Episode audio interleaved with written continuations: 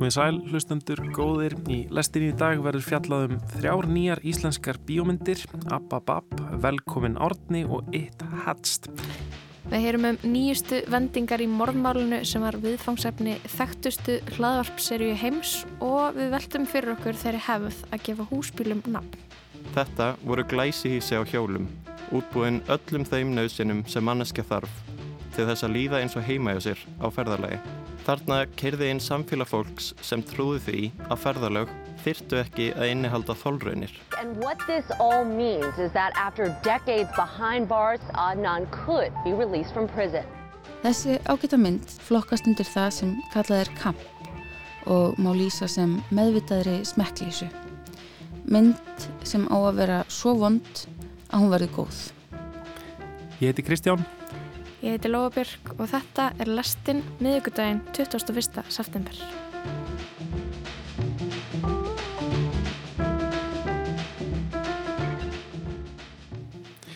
Við ætlum að byrja þáttinn í Marylandríki í Bandaríkjónum. This is a Global Cal-Link prepaid call from Adnan Sayed. an inmate at a Maryland Correctional Facility. From This American Life and WBEZ Chicago, it's Serial, one story told week by week. I'm Sarah Koenig.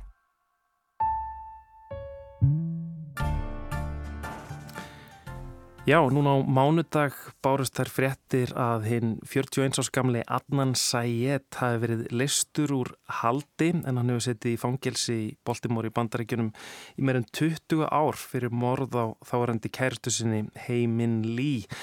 Þetta sakamál var heimstækt, umtalað og umdeilt um, þegar það var fjallað um það í fyrstu serju hlaðarstáttarna Serial árið 2014 sem við heyrðum hérna ingangsstefið í Um, og í kjálfarið á, á þeirri serju þá, þá fóru svona fjöl, fjöl, fjölmilar almenningur og, og lögfræðingar að grafa í málnu og núna erum við semst komin á þann stað að saksóknarar í Maryland, Maryland fylki hafa viðukent að máli byggja á of veikum sönnunagögnum og, og dómari ákveðið að e, Sayed skuli ganga laus. Um, Lóa, hefur hlustað á þessa hlaðarstætti, serial, serju 1? Já, ég hlustaði á þetta á sínum tíma og var mjög hrifin. Þetta er svona eiginlega bara með svona betri hlaðarspum sem ég hlustaði á. Maður svona vildi að maður geti hlustað á það aftur í fyrsta skipti Já. og maður færi ykkur að klikka insinn inn í dómskerfi í bandaríkjunum og óriðtlætið. Já, nákvæmlega. Sko, ok, ef, ef ég bara svona renn örstuðt yfir þetta mál sem er mjög stórt og flókið, þá er þetta sem sagt mentaskólanemi Heimin Lee sem að finnst myrt í almenningskarði í Baltimore árið 1999 og fyrirvændi kærasti hennar og, og skólafélagi Adnan Sayed sem er þá 17 ára er grunaður um, um verknaðin og hann, hann neytar alltaf sög. Um, og það eru sko lítil sem engin sönnuna gögn en bara eitt svona líkil vitni sem segist hafa hjálpað honum að grafa líkið. Um, en annars er sko eiginlega ekkert í frásögn þessa líkil vitni sem einhvern veginn stemmir við önnur gögn málsins. Þannig að það er mjög svona undarlegt en, en hviðdómur mati þetta sem sagt að mata þannig að vitni væri trúuröð og Said var dæmdur í lífstíðafangelsi og þetta er þarna árið 99 sem var morðið á sér stað og hann, þannig að hann er rétt tæmlega tvítur þegar hann er dæmdur í lífstíðafangelsi. Um, og þetta svo sem sko vakti held ég ekkit mikla aðtegli svona í bandaríkjunum á sín tíma, ekki fyrir hann að 2014 þegar uh, serial, semst fyrsta seri af þessum hlaðarstáttum einbeitir sér uh, að þessu máli. Um, og þetta er svona mjög merkilegt að hlusta á þessa tætti hérna, þáttastjórnandin Sara Koenig, hún svona fer svo rosalega djúft ofan í þetta mál einhvern veginn fer ofan í alveg sko minnstu smáadriði, allar mögulegar og ómögulegar atbyrðar á sér og þetta eru tólfættir frá hálftíma upp í klukkutíma og þetta varð svona einhvern veginn, þetta var svona fyrsta serían, fyrsta hlaðarserían sem einhvern veginn algjörlega sko einhvern veginn Sló í gegn, fólk var að fylgjast með þessu eins og sjómanstáttum. Já, nefnilega og, og í rauninni öll uh, umgjörðin hjá serial teiminu var svolítið merkilega. Þau voru með heimasíðu þar sem voru myndir af þessu og alls konar ítarupplýsingar.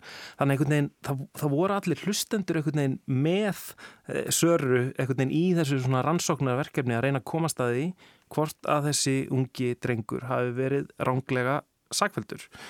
Um, hún svo sem sko kemst ekki að neinu. Þetta er einhvern veginn sko, hún finnur svona rosa mikið af mótsögnum og undarlegheitum og ke- kemst í raun ekki að neittni niðurstöðum sem hefur svo verið svona kannski ákveðið þema í þessum serial uh, þáttaröðum upp frá því. Þau taka eitthvað mál og svo komast þau ekki að neittni niðurstöðu. En maður er einhvern veginn allan tíman að velta fyrir sér, er hann saklaus, er hann segur, Einmitt, en einhvern veginn kannski flestir hlustendur fara svolítið í lið með adnan. Já. og voru margir mjög lengi að býða raunverulega niðurstaðan úr, úr þáttunum er sko hversu rannsóknmálsins og, og dómsmálið allt, hversu miklu það var ábótavand, hversu, hversu illa að þessu var- öllu var staðið. Og hversu mikið það byggðist líka á fordómum og hann er muslimi og, og, og byggist sko einhvern veginn málu upp mynd af honum sem einhverjum muslimskum öfgamanni líka og það var Einmitt. einhvern veginn einhver, einhver sterkur sterk gegn með því að hann hefði gert þetta. Algjörlega, en það var semst ekki tekin einhver DNA síni og það var svona hitt og þetta sem var ekki rannsakað, lögfræðingurinn hans var í rugglinu bara, hann uh, hérna, var, var ekki með hugan við málið. Þannig að, hérna, já, þannig að mjög margir einmitt voru á þeirri línu að, að það ætti allavega að taka þetta mál upp aftur eða, eða að hann væri saklaus. Ég held sko að það er svolítið merkilegt að, að, að þessi þáttaröð kemur á 2014 og hún er eiginlega svona fyrsta podcast þáttaröðin sem næri einhvern veginn almennilegri útbreyslu um, og, og mér finnst það meiri segja þannig að hérna í ingangsstefinu, í inganginum af þættinum, þá eiginlega þá finnur Sara Koenig sig knú, knúna til þess að útskýra eiginlega út á hvað þetta gengur því hún var áður í eh, semst útastáttin sem heita This American Life sem eru svona stakir þættir. En hún, hún segir hérna í upphafi sko one story told week by week. Einhvern veginn við erum að koma með þetta með sögu sem er sögð í svona vikulegum skömmtum. Það er eins og útastlustendur hafa ekki einhvern veginn verið vanir því árið 2014 Einmitt. Og þetta er svo, svo setur þetta líka svo mikið tónin fyrir bara einhvern veginn hlaðverp. Þetta verður einhvern Algjörlega. veginn svona fyrirmyndin að hlaðverpum. Svona á að gera þetta. Þetta er næstum svo uppskriftin að góðu hlaðverpi. einmitt, bæði bara einhvern veginn hljóðvinnslan og frásagnarhátturinn og allt þetta en svo, svo á þessum tíma var uh, og kannski svolítið í kjölfarið á serial þá var svona svolítið mikið uh, svona bylgja áhugi á svona sönnum sakamálum, einhverjum svona óupplýstum glæpum og svo leiðis Netflix var með þessa þætti Making a Murderer og svo voru heimildamindin The Jinx og það var svona rosa mikil áhuga þessu. En og hlaðvarpið sko hefur einhvern veginn virðist hafa hendað síðan einhvern veginn sérstaklega vel í þetta, það er einhvern veginn að fara svo djúft ofan í einhver flókin mál, eh, fólk sem hefur svona mikinn áhuga þeim getur bara einhvern veginn verið klukkutímunum saman að tala um þau. Og þetta hefur orðið að svona hálfgeður svona undirgrein einhvern veginn í, í podcastum Það er svona mín tilfinning að þetta séu jafnvel bara vinsalistu tegundunar af hlaðverpum eru svona sannar glæpasögur Já. og bara morð, morðsögur líka. Einmitt. Ég meina bæði erlendis þá eru svona, það eru þættir eins og Dirty John, My Favorite Murder, Cold Cases og svo á Íslandi er morðkastið, illverk, gellur elska glæpi og svo í rauninni leðublakan sem að vera illvegadóttir var með hérna á, á rúf. Um, en ég, heldur reyndar að áhugna þessu svona minkað aðeins í mm tíðina en þetta var alveg átti, átti augnablikið algjörlega þarna. En allavega, það, það er ekki það sem við ætlum að ræða. Adnan Sayed, sem er viðfónsefni fyrstu seríu serial, gengur núna laus.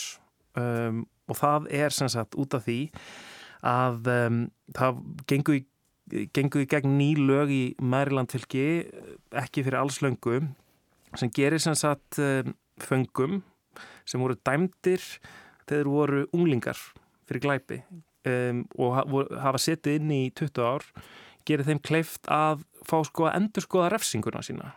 Þannig að þá er mögulegt að stýtta refsinguna eða eitthvað. Um, og það var farið að gera þetta með Adnan Sayed. Nema í því ferli þá einhvern veginn fara alls konar hlutir að koma, koma upp. Meðal annars þá finnast gögn um það að um, saksóknarar hafi í rauninni falið upplýsingar fyrir lögfræðingum Adnan Sayed, þeim sem er að verja hann um sem sagt tvo menn uh, sem er ekki vita hvort að tengist eða, eða hvað, það kemur ekki í ljós hverjir þetta eru en tvo menn sem að er sagt að hafi haft getuna, tækifærið og mögulegan kvata til að myrða heiminn lí og virðast aldrei hafa verið rannsakaðir almennilega, lögreglan verðist ekki hafa yfirhyrta á eða tekið teki viðtöl en, en, en það eru greinlega vísbendingar um að þeir gætu hafa tengst þessu um, Og er þá málið einhvern veginn ó, ónýtt út af því að það, voru, það var verið að fela gögn. Það var það ekki þannig að hann var sannst ekki fundin saklaus. Nei, það er ekki búið að finna hann saklausan, uh, alls ekki. Það er raunin bara búið einhvern veginn að opna málið aftur og, og hérna og saksóknarar um, ákjæru valdið í, í Maryland í rauninni treysti sér ekki lengur til þess að standa við eh, einhvern veginn málið eins og, eins og það fór fram þarna fyrir 23 árum. Og það er svo sem meira í þessu sko. það hérna, er svona ímislegt ímis eh, sem að eh, sína að til dæmis framburu þessa vittnis er ekki jafn tröstverður og, og fólk kælt og svo leiðis þannig að staðan er semst þessi að, að hérna að ákjæruvaldi segir, heyrðu, við getum ekki lengur staðið með þessu, dómari segir, heyrðu, ok, þá verðum við bara að uh, leysa núr haldi, þið hafið 30 daga til þess að um, byggja upp nýtt mál uh, og þá uh, sækja hann aftur til saka. Og þannig að næstu 30 daga að minnstakosti er hann laus. Það er ótrútt hvað þetta hefur tekið langan tíma líka með við hvað voru margir að spá í þessu og voru rosalega margir sem fór líka spáið þessu eftir að hlusta á hlaðvarpið og náttúrulega ég held að flestir sem hafa hlustað á serial hafi upplegað mjög stert hvað þetta er vekt mál mm -hmm. og fólk hafi bara hugsað já hann hlýtur að slepp úr fangilsi bráðum það er svo augljóst að hérna hefur eitthvað mikið óréttlæti átt sér stað Einmitt. En mér finnst mjög merkilegt að, að sagt, þegar dómari var einhvern veginn að, að bera þetta undir eða, eða fá aðtjóðasemtir frá fjölskyldu heiminn lí þá hérna eh, sagt, kom bróðir hennar fram og, og sagði, og það er svolítið átakalegt að, að heyra það sem hann sagði að, hann sagði sko, fyrir mig er þetta ekki hlaðvarp. Þetta er raunveruleikin, endalus margtröð í meirinn 20 ár. Alltaf þegar ég held að þetta sé búið þessi sé lokið, þá kemur þetta mál tilbaka. Og þetta er að gera út af við mig og mömmu og fjölskylduna. Þannig að mm. þau eru eitthvað neginn, þau heldu að þau væri kannski, málinu væri eitthvað neginn lokið, þau væri búin að finna þann seka en svo einhvern veginn er þetta að gerast, gerast aftur núna þannig að og, og þessi kannski fjölmjöla stormur í kringum þetta og ég meina þegar Adnan Said var, var sleppt lausum þá var bara fjöldi fólks fyrir utan að fagna mhm. þannig að sko það hlýtur að vera mjög erriðt fyrir þessa fjölskyldu líka að vera í þessum stormi mm -hmm. En það sem er líka svo áhugavert við þessa þætti bara til að segja það er að þannig er einhvern veginn allt dómskerfi í bandrækjunum og hvaða er að þér verist brotið? Skoð út frá þessu eina máli. Hvernig er þetta kaffara fólki í gögnum og hversu veik staða þessa manns er? Já. bæði rúglega vegna þess hvað hann kemur og hvaða menningu hann kemur frá muslimi um, og hann er úlingur og úr einhverju svona fátækra hverfi í Baltimore. Hann átti aldrei einhvern veginn sens að vinna. Ef einhverju búin ákvæðan væri sigur þá skildi það bara fara þannig. Já. og það eru náttúrulega öruglega mjög margir sem setja inni í bandaríkjónum eh, fyrir alls konar glæpi á mjög svona hæfnum forsendum eða, eða vafasum mál sem hafa verið höfðu gegn fólki. Um, en Adnan Said um, sem var dæmdur í þessu máli um, hefur náttúrulega í raunni verið frekar heppin að Sara Koenig og, og, og serial teimið komst á snóður um þetta mál og svona láni óláni. Já, það verið svolítið erfitt á sín tíma.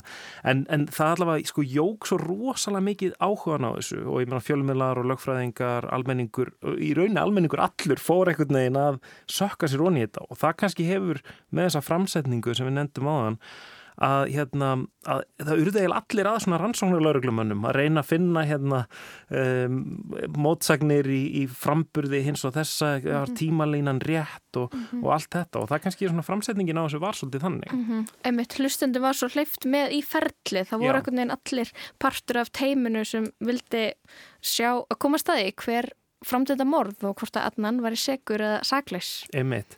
Og þetta eru þá líklega já, áhrif serial að, að hann sé laus allavega núna næstu 30 daga eh, á meðan eh, það verður skoða hvort að það verður höfða annað mál á, gegn, á hendur honum.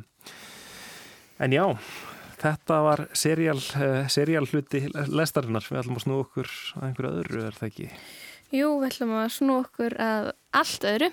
Patrikur Björgunsson er næstur á mælendaskrá hérna í lestinni en hann ætlar að flytja okkur nokkra pisla í haust þar sem hann sökkur sér ofan í ýmsar hefðir og fyrirbæri alþýðumenningu. Í sínum fyrsta pistli veldur hann fyrir sér þeirri hefð meðal húsbíla eigenda að gefa bílunum sínum nöfn.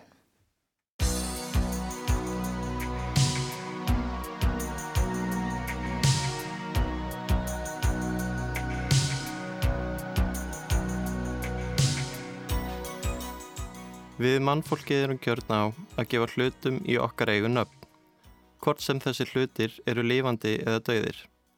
Fóreldrar gefa börnum sínu nöfn, eigendur gefa gæludýrum nöfn, allar hæðir og gil, fyrirtæki, skip og svo mætti lengi telja fá nöfn. Það gerir okkur auðveldara að greina eitt frá öðru sömu gerðar ef við höfum yfir það nafn. Margi dauðir hlutir sem eru í engaegu þurfa þó ekki nafn að minnstakosti ekki af praktískum ástæðum. Það segir þeim sem hlustar jafn mikið ef maður segir bílinn minn eða sími minn og ef maður hefur gefið þeim nafn og talað um það með því. Engin vafi leikur á um hvað hluti rætt, en samt ákveðustundum að gefa þeim nafn. Kanski býr eitthvað að baki því að nefna þá, að gæða þá mannlegum einleikum, að leifa hlutunum að vera meðleikarar í lífinu frekar en hluti af sviðsmyndinni. Kanski auðveldar það okkur að reyða á þá. Nafnið gefur hlutunum jafnvel tækifæri til þess að gera mistök, læra af þeim og vera fyrirgefið. Þegar ég var lítill fór ég oft með fjölskyldunni í tjaldútilegu. Mamma mín er mikil útvistakonna og hefur verið í skátunum nánast allt sitt líf og lituðust útilegunar svolítið af því. Við skildum ferðast á alvöru máta og fá að tengjast náttúrunni.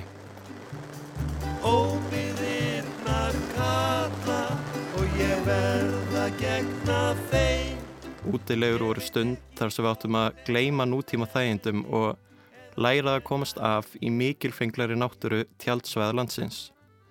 Rafmagn heyrði sögunni til, uppblásna dínur voru fyrir fólk sem var ekki nógu vel að kuðu gert og mikið verið fyrir bakið en næfur þunnar einagrunadínur. Það þótti meinholt að fara í gegnum allan tilfinningaskalan við það að slá upp tjaldi, liggja þar kappklættur yfir nóttina og vakna svo með stípla nef og fastan hróll. Það var í einni útileginni að mér var litið öfundaraugum á innkeislu tjaldsvæðisins. Þegar ég satt sveittur við að tróða stöng inn í gat sem reyndi svo vera vittlust, sá ég hvar bílaflóti keirði inn á tjaldsvæði. Þetta var ekki floti af jeflingum með yfirfull skott og tengdamömboks á þakinu eins og mér var tamt að ferðast.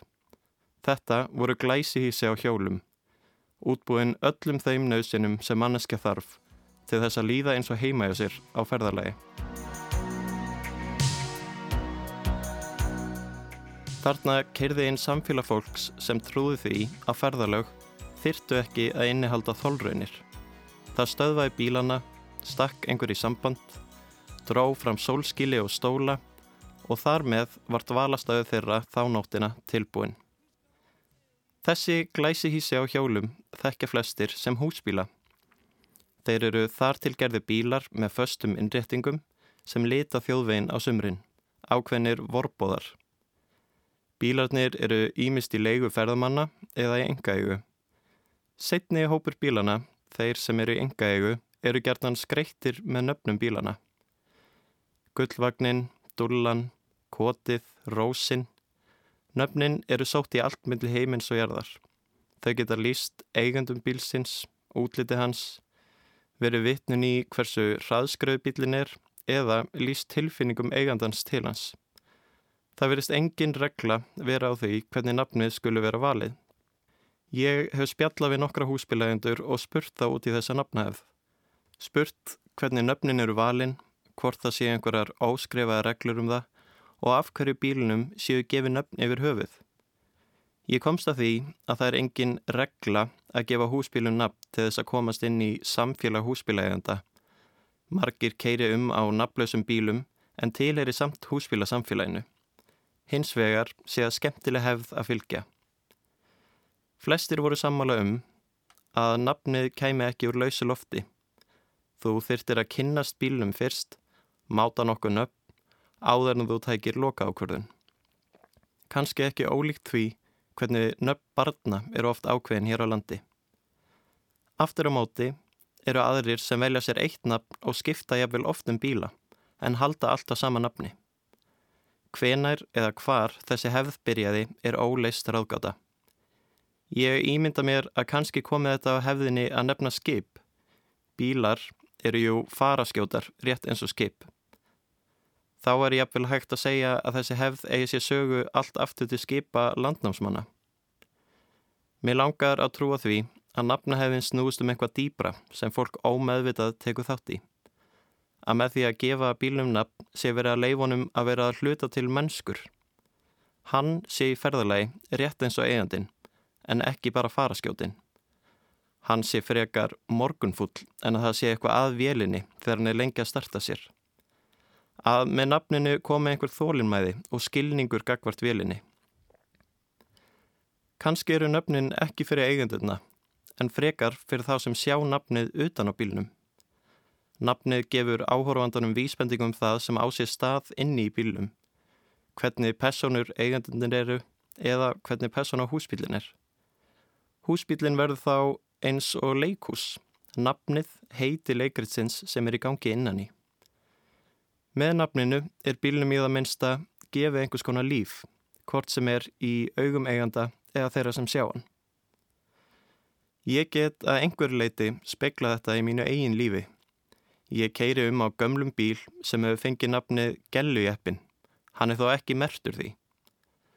Nafnið byrjaði gríni en hefur fest við hann og ég segja öllum sem koma í hann hvað hann heitir. Ég veit ekki hvort koma undan, væntum þykjan til hans eða nafnið, en mér langar að segja að það haldist í hendur. Eftir því sem hann bregst mér oftar því gertnari verði á að tala um hann með nafni. Ég hef með nafninu gefið honum einhvern personleika. Ég hugsa til hans með hlýju og kvíði deginum þegar hann gefur upp öndina. Ekki bara vegna þess að þá verði bíllaus, heldur vegna þess að þá hef ég mist vinn sem hefur komið mér á milli staða síðustu árin, upplega með mér hæðir og legðir, mínar og hans.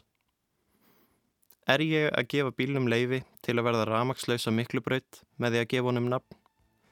Eða er ég að segja honum að ég treyst honum til þess að gera það ekki? Kanski gaf ég honum nafn til þess að geta skamma hann fyrir það að verða ramagslaus og láta eins og hann sé að hlusta.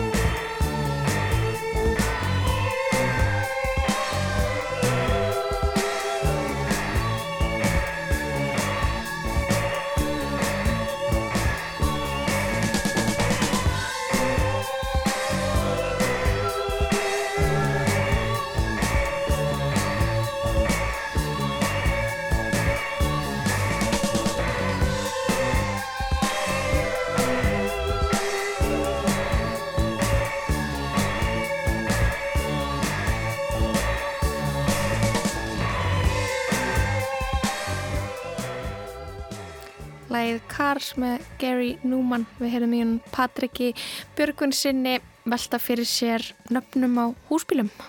Já, aðteglisverð hefð. Um, en við ætlum að um, ringja símtall.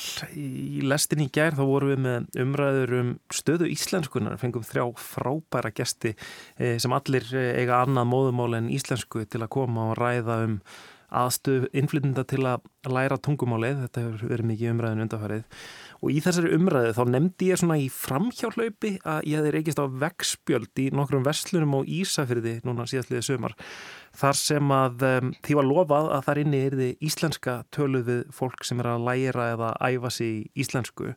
Uh, ég náði ekki alveg að útskýra þetta nógu vel eða, eða, eða já, þannig. Þannig ég ákvæði bara að ringja vestur á Ísafjörð í Ólaf Guðsnein Kristjánsson sem er eitt þeirra sem stendur að þessu verkefni Íslensku vænt samfélag og fá hann til þess að segja mér frá þessu. Það er náttúrulega frá mörgu að segja en svona til þess að stikla stóru þá uh, ákváðu við í april-mæ hér uh, á Ísafjörði að standað eitthvað sem við kallum Íslensku vænt samfélag sem felur það í sér í sem skemmstu máli að gefa fólki sem er að læra málið tækifæri til þess að nota það og að því að sá, það verður oft vilja brenna við að fólk grýpur til ennskunar þegar íslenskan hljómar eitthvað já, í þeirra eirum öðruvísi þá erum við að reyna að búa til umhverfi þar sem fólk getur uh, svo að segja gengið að þessum vísu að ekki verði skipti verið á ennsku að það verði endutekið, það verði endurorðað, það verði talað hægar og, og þarfram til góðan. Mm. Það er eiginlega grundvallar punkturinn og síðan í samhliða því þá höfum við mitt farið þess að leit við stopnarnir hér á svæðinu, við verslanir og bara einstaklinga, við hefum skrifað fjöldan allara greinum þar sem við hefum beðið um þetta. Og aðal markmiðið er í sjálfu sér ekki þessar uppákomur sem eru í tengslu við það, við hefum staðið fyrir uppákomum eins og hraðíslenska sem lítur sömu lögmálum og speed dating. Við erum að standa fyrir uh, gönguferði í samstarfi við uh, ferðarfélag Ísfyrðinga og svo framvegs og svo framvegs. Heldur fyrst og fremst að auka meðvitund fólks, Já. hvaða félur í sér að læra tungumál. Þannig að þetta er eitthvað svona í, í grófum dráttum það sem við erum að gera. Mm -hmm. en, en er þá pælingina að, að starfsfólk, uh, til dæmis í vestlunum, að, að það tali ekki ennsku við, við fólk sem að kemur inn, inn í búðina? Já og nei, auðvitað í, í fullkomunum heimi var það bara íslenska en auðvitað eru við meðvitið um það að stundum vil brenna við að það séu einhverju sem að tala hreinlega ekki íslensku Já, þannig að átakið miðast í þá sem vilja tala íslensku. Þannig að sérst, ef að ég gengin í búð og vill tala íslensku þá fæ ég íslensku tilbaka. Það er í rauninni grundallaponturinn ekki það að ég að pína alltaf til þess að, að tala íslensku ef þeir kjósa að gera svo ekki.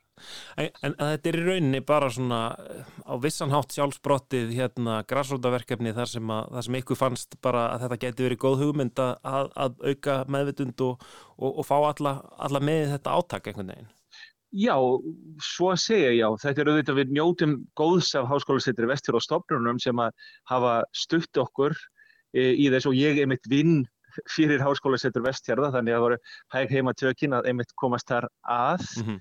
en jú, í grunninn er þetta uh, græsrótar reyfing sem að Sest, með það markmið að auka meðvutund og síðan reyndar uh, svona uh, anekdóta uh, sem snýra því að mér leiðist að tala ennsku ég vil eiginlega sem flesti tala íslensku þannig ég geti panta kaffi mitt á, á íslensku. Og, og hvernig hafa viðbröðin verið? Viðbröðin hafa verið bara með ágætum. Uh, það er reyndar sá galli á gjöfnjarðar hvað, hvað mál hafa, íslenska mál hafa varðar að oft þarf aldrei að íta við þeim. Og uh, sem felur það þá í sér að ef maður auglýsir eitthvað á miðlum svæðisins, uh, þá er fólk ekki að já, hlaupa upp til hand og fóta og taka þátt. Heldur stundum það svona aðeins að íta við, við fólki en svona í, í það heila hefur verið bara alveg ágætið þáttaka. Mm -hmm. og, og allavega einhverjar hérna vestlanir og stofnanir hafa viljað taka þátt í þessu, allavega já. Sá, sá ég, ég vegspjaldið eh, nokkuð við það. Akkurat, jú, mikil ósköp og, og síðan er ég ekki frá því að bara sest, í ljósi þess umræðuna núna, fyrir núna er þetta alveg að, já, hvað maður sé að það gís þessi umræða gís núna í, eh, sem, sem víðast í íslensku samfélagi þannig að sérstaklega í ljósið þess núna þá uh, vil ég meina að meðvöldund gagvart málefninu fari vaksandi. Mm -hmm. Fólk átti sér betur á þessu, meir og meir að eitthvað aðgerða sér þörf og ekki þá síst bara hjá fólki sjálfu, hjá málhugunum að allir geti lagt sitt að mörgum með því að liðsina fólki við að læra íslensku og þarf ekki að vera sérmentað í, í íslensku til þess að tarna. Þetta er uh, mjög aðtæklusvert uh, eh, verkefni hjá okkur Ísafjörður uh, Íslensku vænt samfélag. Ólafur Guðstein Kristjánsson, takk hjá fyrir að útskýra þetta fyrir mér. Já, takk, takk fyrir að ringja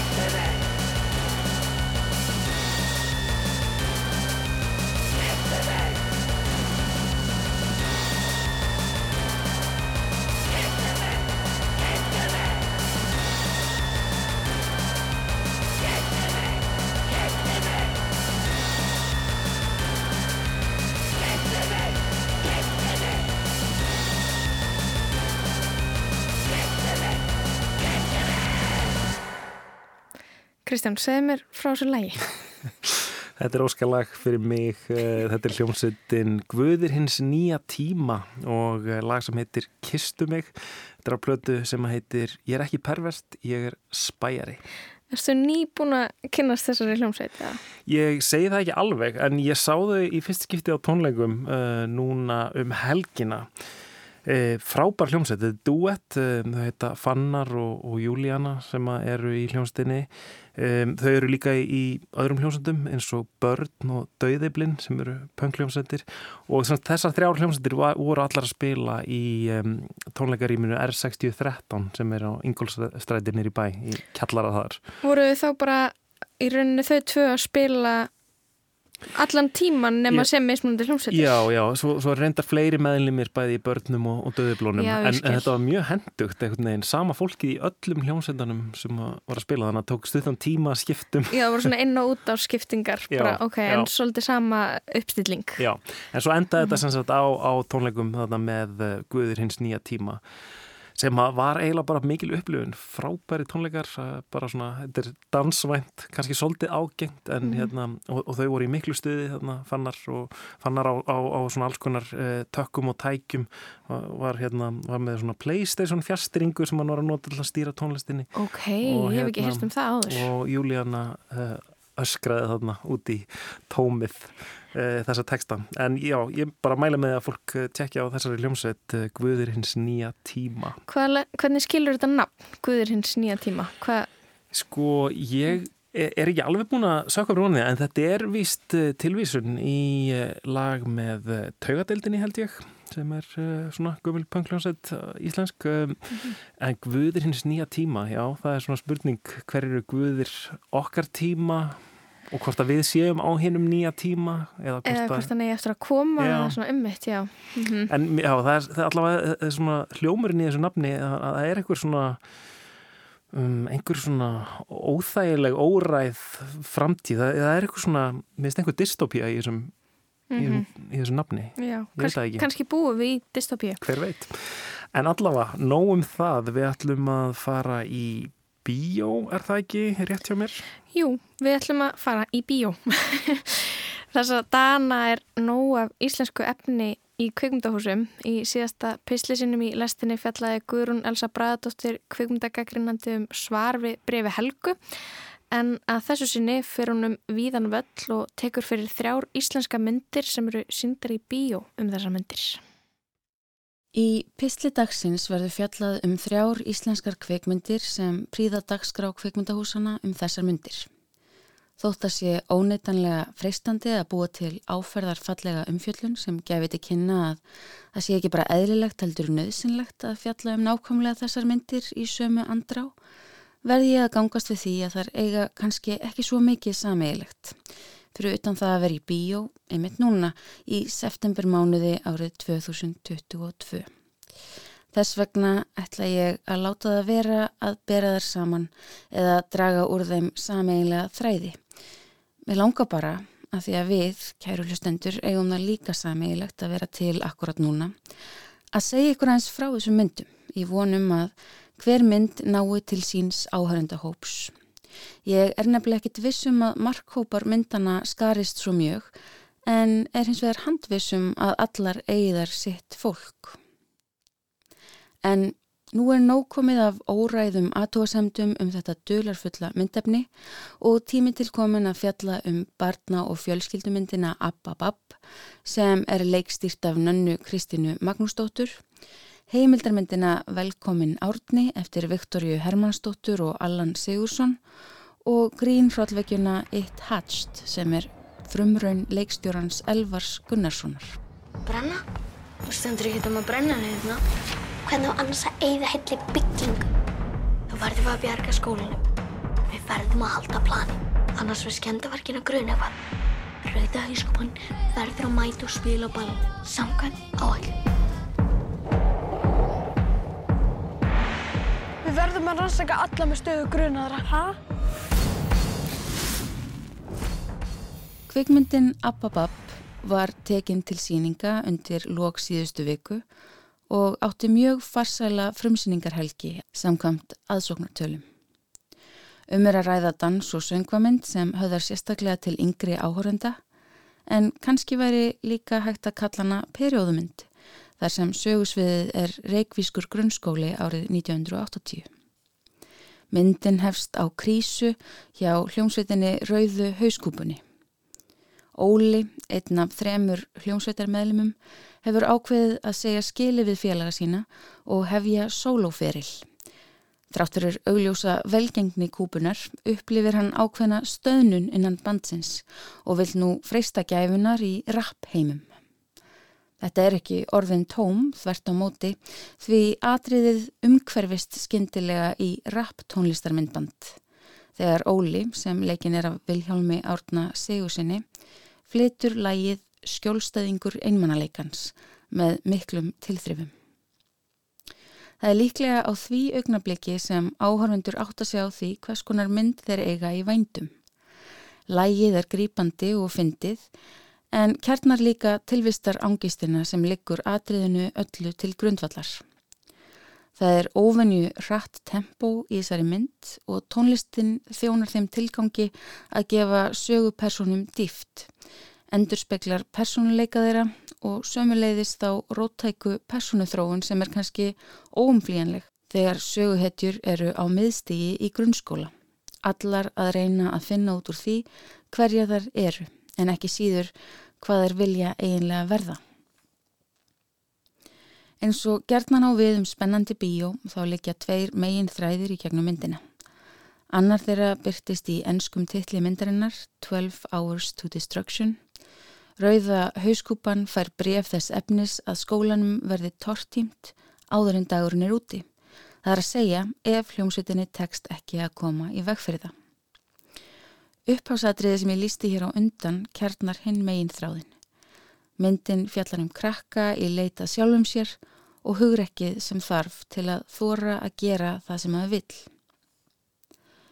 Meðal þess sem gerir þessa mynd ansi frábæra eru leikararnir. Þar verður ekki hjá því komist að nefna aða leikarana þrjá sem standa sig öll ótrúlega vel. Þau Viljálm Orna, Ísabellu Jónatansdóttur og Óttar Kjærúlf Þorvarðarsson. Fullornu leikararnir er ekki síður góðir en þar standa að mínumati upp úr Eithór Ingi Gunnlaugsson sem leikur kennaran undarlega, Herra Rock og Ebba Sig sem er bráðfindin í hlutverki Frenju Fríðar, ókvænlegasta gangaverðar kveikmyndasögunar mögulega. Þá tekst leikstjóramyndarinnar Nönnu Kristínu í samfunnu við danshöfund og leikmyndahönnuð meðal annara að gæða myndina lífi í svo til hverjum ramma og skapa söguheim á mörgum veruleika og fantasíu sem myndi mig stundum á galdrakallin í ós. Töfrar myndarinnar liggja í því hversu mikið er að gerast í myndheildinni hverju sinni. Auka personur sjá stansa og fremja ímiskunar fimmleika í bakgrunni. Krítartabla fekrar sig upp í loft, kennslustofu og drungalegt efni eftirlitsmyndavela sem stjórnaði er af pöngarakrökkum flögtir á þreyttum skjáum gamalla Macintosh tölva svo ykkur dæmi séu nefnd.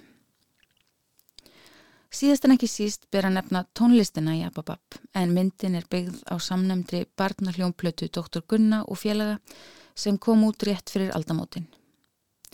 Í myndinni eru mörg skemmtileg lög og þótt skjólstæðingur einmannleikans hafi óneitanlega talað sérstaklega til míns innri töffara þá lægið Ó keisa mín, hugminn og hjarta en það flytur Jóhanna Guðrún í hlutverki Dífunar. Ég veit ekki hvort ég á að hlæja eða gráta því ég svo mikið sem hugsa til þess lags en ég held að enginn hafi áður geta tjáð ást á ketti og jafn humorískan og hjartnæman hátt. Ó keisa mín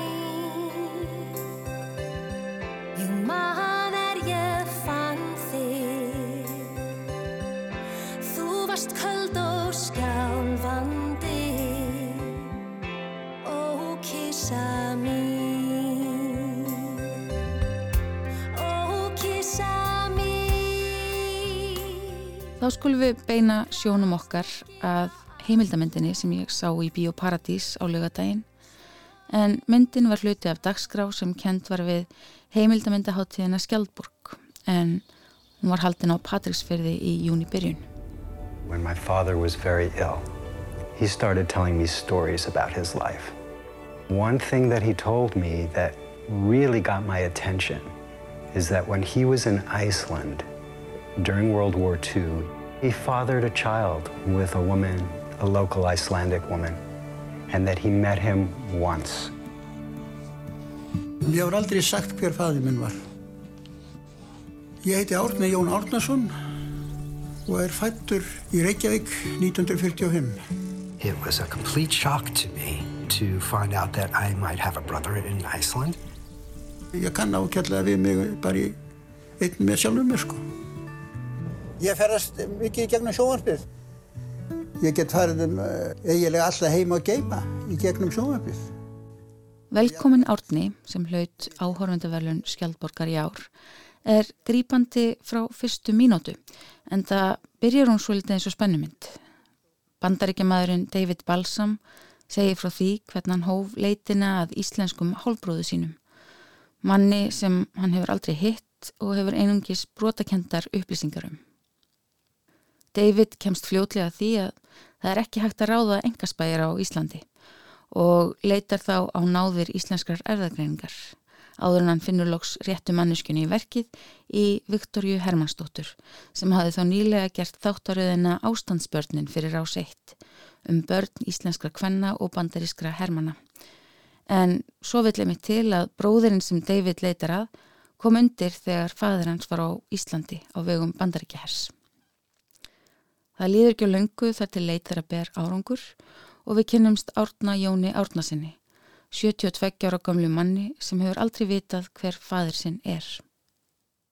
Það má vera ljóst á þessari lýsingu að hér er um forvitnilega mynd að ræða. Hún fangar óvinnilegar aðstæður sem við erum kannski vanari að sjá í skáldskap en í heimildamind. Það sem kemur kannski á óvart er það hversu óvinnileg persóna árni er sjálfur. En hann er það sem gerir þessa mynd jafn skemmtilega og stundum ljúfsára og hún er. Upplifin mín sem áhörunda speiklast að miklu leiti í upplifin nýju fjölskyldunar sem árni eignast í bandaríkjunum sem lýsa byrtunni sem stafar frá honum. Þessi byrta verður svolítið merkileg í ljósi æfi sem hefur að mörguleiti verið erfið og oft einmannaleg. En fyrst og fremst setur hún marksitt á það hvernig hann bregst við því að eignast lítinn bróður á áttræðisaldri. Og það var mikil ánægja að fá að fylgjast með því. Everybody, this is Arnie. Hi, brother. I have to pinch myself to believe that this is actually... Að lokum er það grínhróllvekjan It Hatched en um hana má að minnstakosti fullir það að hún líkist engu öðru sem íslensk kvikmyndagerð hefur getið af sér. Do you remember that pile of furniture in the basement? Underneath it there was a hole.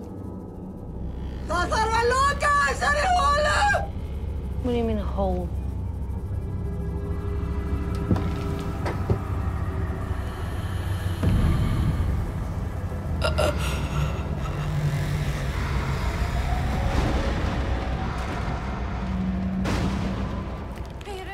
Myndin segir frá parinu Pétri og Míru sem flytja frá bandaríkjunum á afskektan stað á vestfjörðum þar sem þau ætla sér að opna gisteheimili fyrir fugglaskoðara.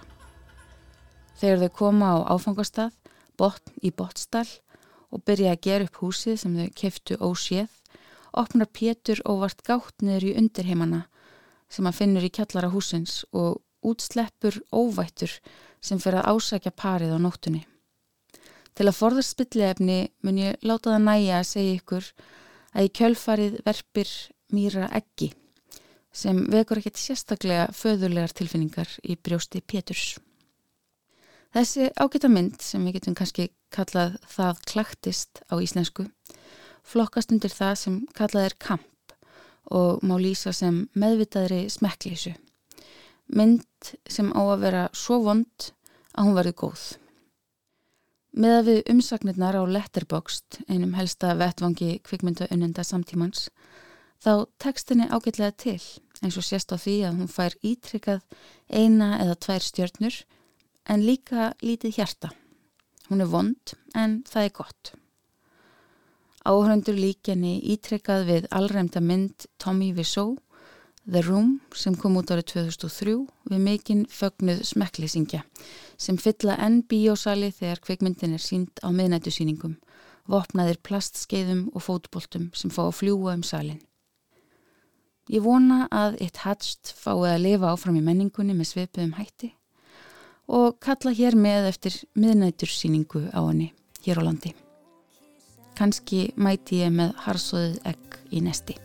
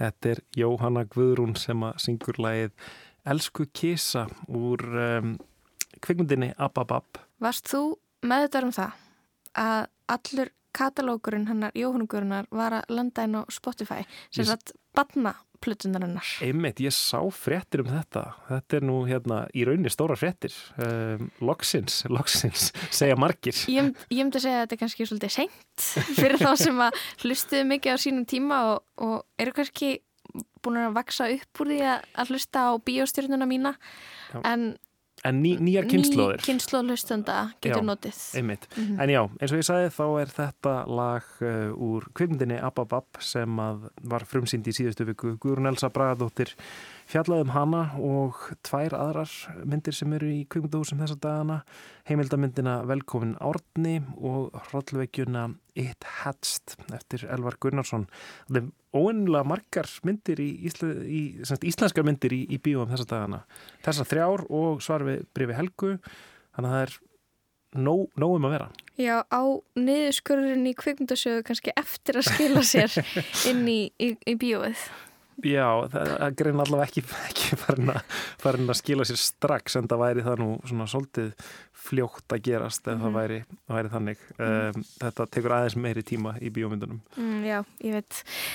Bara smá grín. Já. En það er búið að vera nógum að vera einni lestin í dag. Já, við erum búin að fara um viðan völl, uh, við erum búin að velta fyrir okkur uh, húsbílanöfnum, Patrikur Björgvinsson hlut okkur pistil um það, fengum uh, bíogagrinni frá Guðrunu Elsu og uh, rættum um nýjustu vendingar tengdar uh, hlaðvarstáttunum serial eða fyrstu, fyrstu serju í serial morðmálinu sem var þar til umfjöllunar. Það gleður eflust þá sem að hafa fylst með að Adnan sé laus, Adnan segið Einmitt. í því máli. Já, og svo ringdu við reynda líka til Ísafjörðar, það má ekki gleyma því og töluðum við Ólaf Guðstein Kristjánsson um uh, verkefnið Íslensku vænt samfélag Mm. sem sagt mikið mikið og margt um að vera í lestinni í dag En þátturinn verður því miður ekki mikið lengri í dag. Við verum einna aftur á morgun á sama tíma. Já, tæknum að lestarinnar er Lítja Gretarsdóttir Kristján og Lóa þökkum fyrir samfélginni í dag Verðið sæl.